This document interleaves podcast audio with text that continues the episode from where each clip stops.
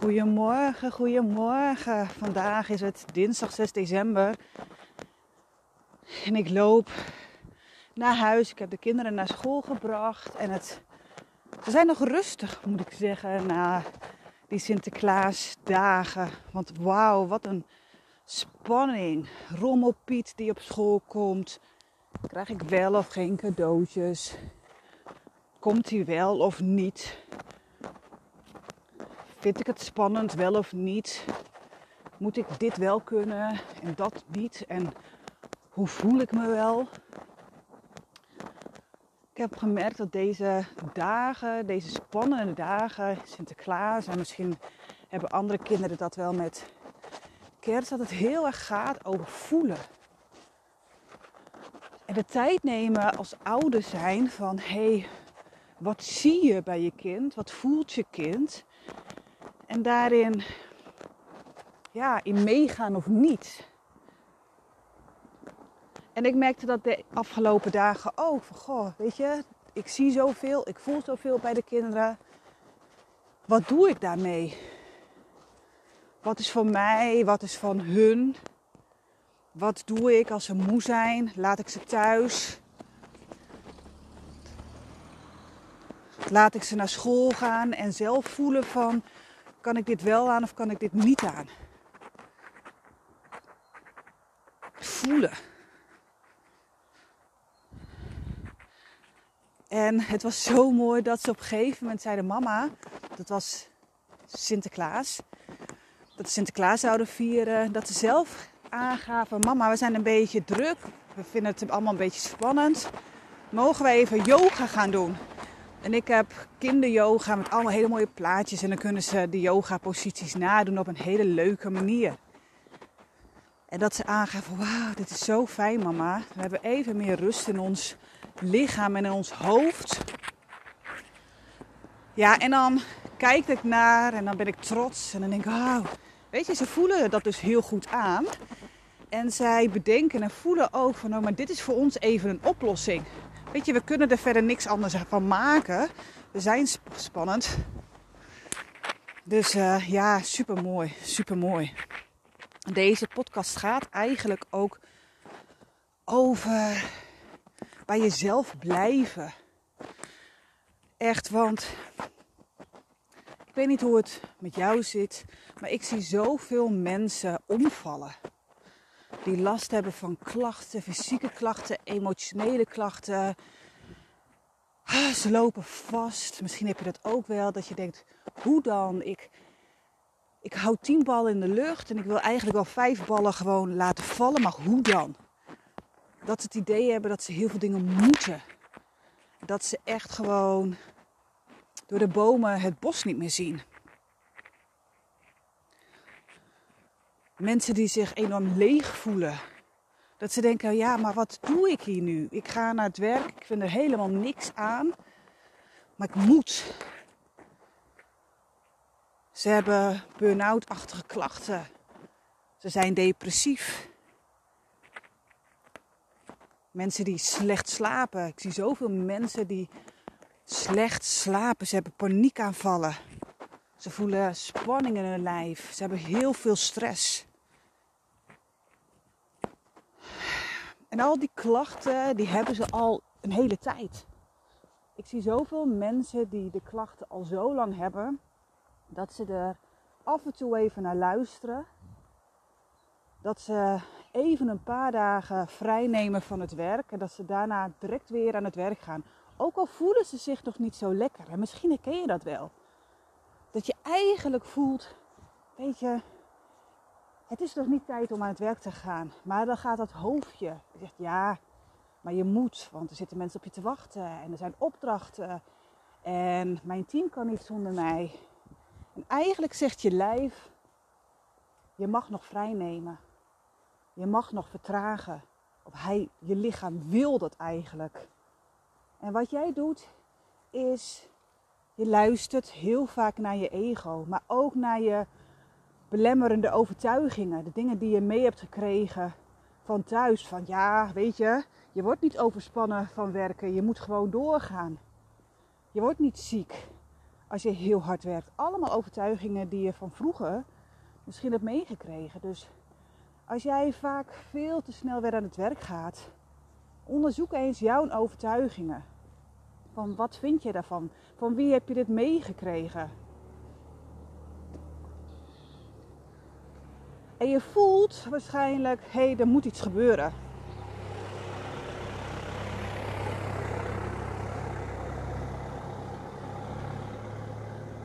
En je voelt je rot. En je denkt, oeh, als ik echt naar mijn gevoel luister, dan moet ik muziek melden. Dan moet mijn leven anders. En dat is zo pijnlijk en confronterend dat je echt denkt, oké, het wil niet. Maar hoe dan wel? Weet je, je hebt het zo lang zo gedaan.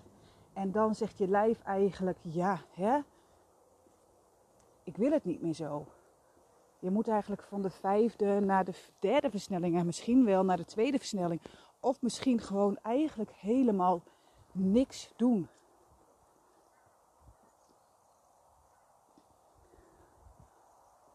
Helemaal niks doen. Ziek worden. Burn-out. Achtige klachten. In een depressie raken. En wat ik dan heel vaak mensen hoor.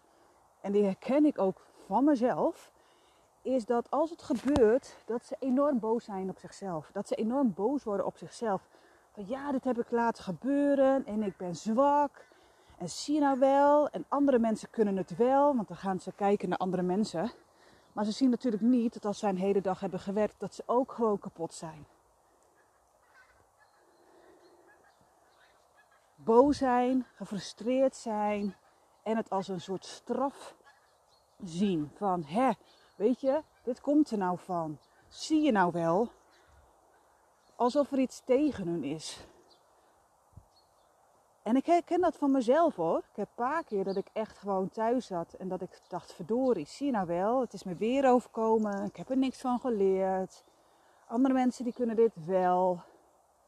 Toen dacht ik, nee, weet je, ik ben iemand anders. En hoe het in deze maatschappij tegenwoordig gaat, is het rennen, vliegen, doorgaan. Presteren.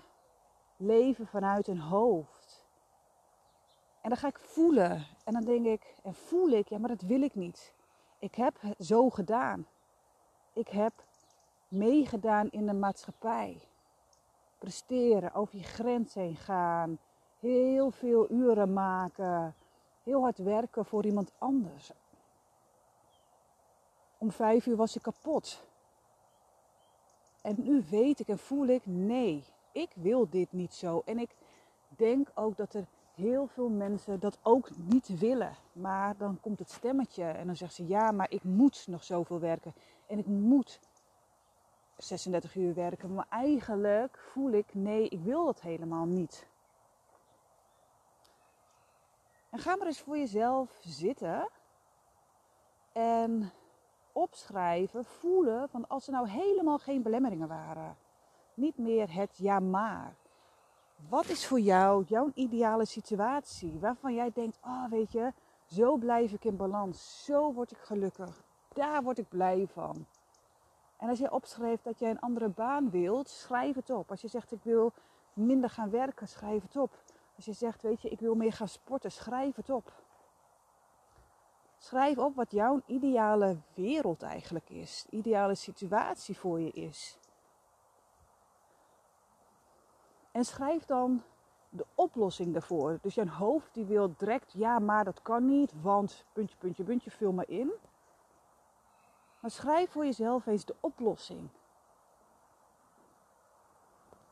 En dan hoeft het niet direct heel groot te zijn. Maar als jij bijvoorbeeld een andere baan wilt en het is te veel, uh, je wil minder, gaan minder uren gaan werken, dat je denkt, oké, weet je wat, ik ga van eerst van 36 uur naar 32. En dan bijvoorbeeld van 32 naar 28. Het hoeft niet direct met hele grote stappen. Maar we zijn zo geneigd naar als je iets heel graag wilt en je lichaam geeft eigenlijk aan, hé, hey, het moet ook anders dat heel veel mensen dan kortsluiting krijgen. Want dan denken ze, ja, maar dan moet mijn hele wereld helemaal anders. Dan moet ik bijvoorbeeld alleen maar gezond eten. Bijvoorbeeld rauwe broccoli. Of dan moet ik elke dag gaan bewegen. Of dan moet ik gaan mediteren. Of dan moet ik gaan yoga doen. Helemaal niet. Helemaal niet. Het gaat kleine stapjes. En ook de stapjes die voor jou werkzaam zijn. En het gaat over experimenteren. Weet je, je kan van alles met je hoofd gaan bedenken. Maar misschien vind je je lijf bijvoorbeeld wel wandelen heel lekker. Of misschien zegt je lijf wel, hé, hey, ik vind bijvoorbeeld fietsen veel lekkerder. Of zwemmen. Kleine stapjes.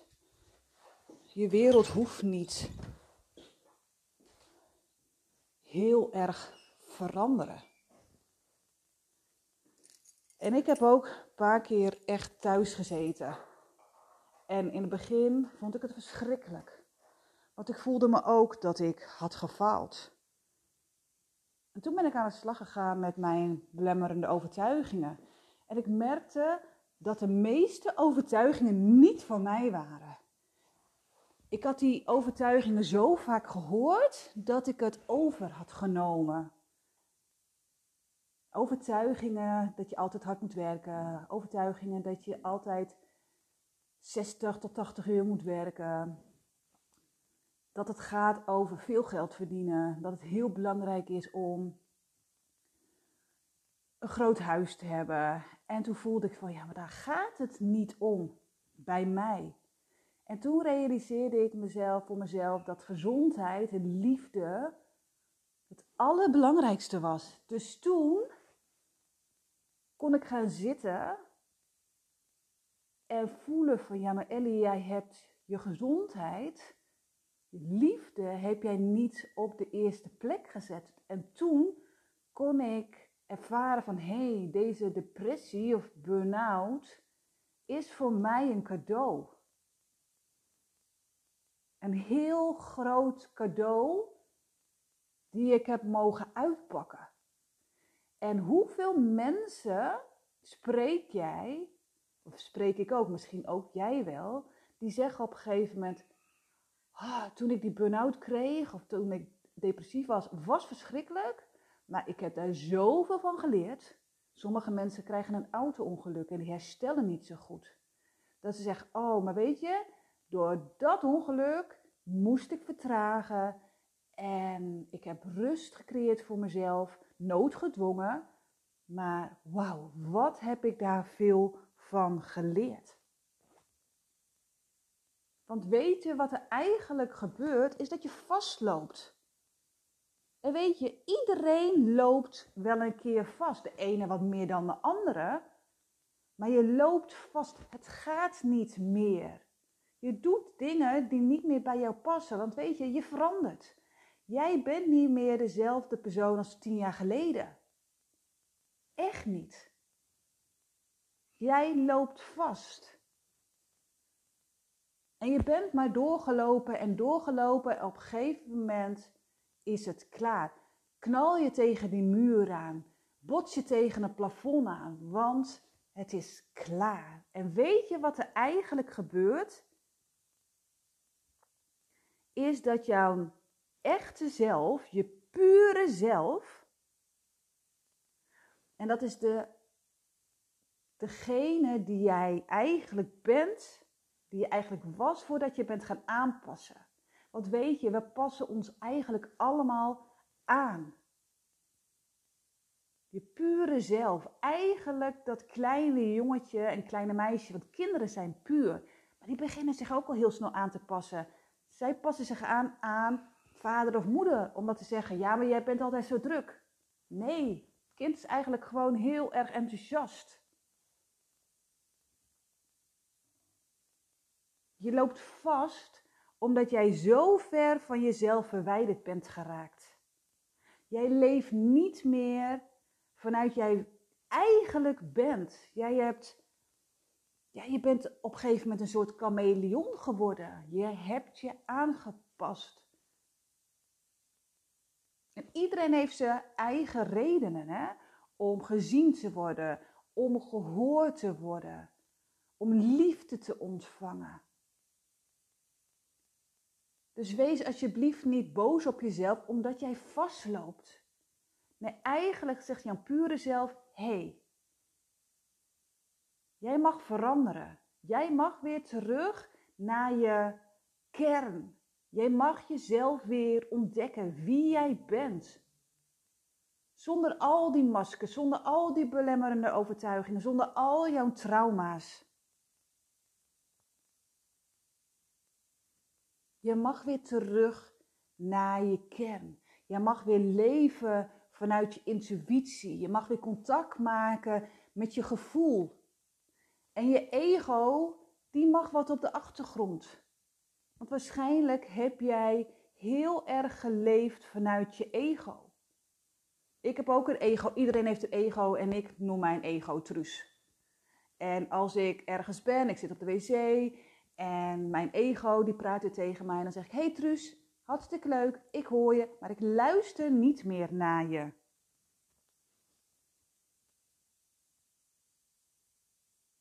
Je ego, die kan je echt saboteren. Die wil dat jij je aanpast aan de wereld. Die wil dat jij anders doet. Die wil dat jij alle rollen gaat vervullen die jij hebt, maar dan op een bepaalde manier. Dus de symptomen die jij voelt, de klachten die jij hebt, de paniekaanvallen, dat je niet slaapt, eigenlijk is dat een soort wake-up call. Eigenlijk zegt dat: hey, het gaat niet goed. Jij moet door elkaar geschud worden. Want dit is niet wie jij bent. Dit is niet wat jij hoort te zijn. Dit is niet hoe jij, hoe jij hoort te leven. Dit is niet de missie die jij hebt hier op aarde. Jij kunt zo niet verder.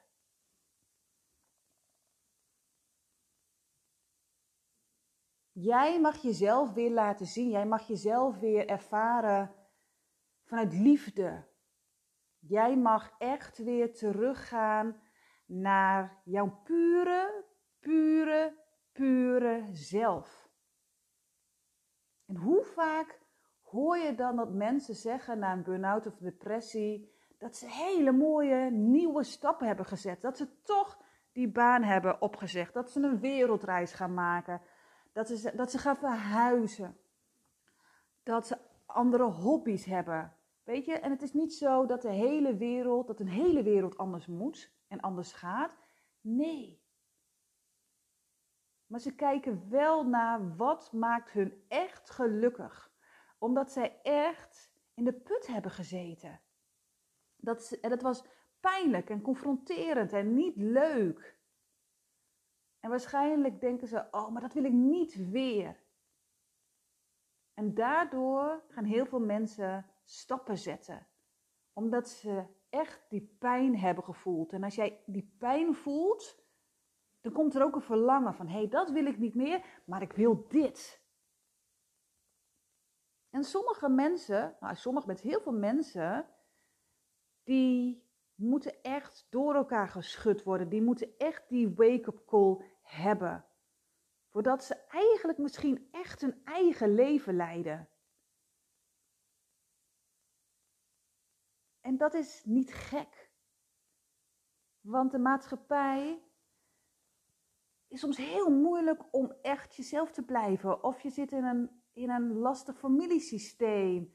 Uh, je hebt vrienden waar je niet helemaal jezelf kan zijn. Het is soms zo moeilijk om echt trouw te zijn, te blijven aan jezelf. Maar als je dat kan, wauw. Dan is de wereld nog leuker. Dan ben je meer ontspannen. Ga je lekkerder slapen. Heb je veel meer rust. Omdat jij in je pure kern voelt: ja, maar dit hoort bij mij. Dit is wat ik mag doen op deze wereld. Dit is wat ik voel. Dit is wat ik mag uitspreken. Dit is wie ik ben. En als je dat voelt, dan ben je trouw aan jezelf. En dan kost dingen veel minder energie omdat het stroomt. En bij mensen die depressief zijn, die burn-out klachten hebben, die slaapproblemen hebben, al die dingen die ik net heb opgenoemd aan het begin van de podcast, daar stroomt het niet. Er zit een blokkade. En bij de ene een grotere blokkade dan de ander.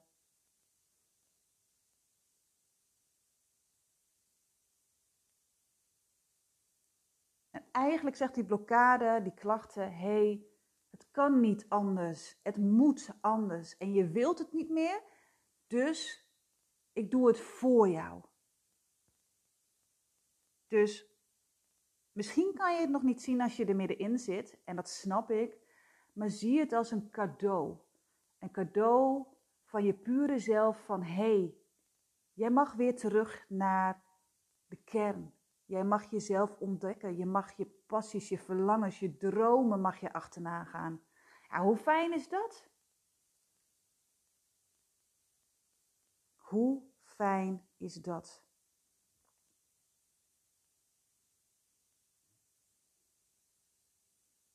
En van zo'n periode leer je veel. Je leert waar je grenzen liggen. Je leert te voelen.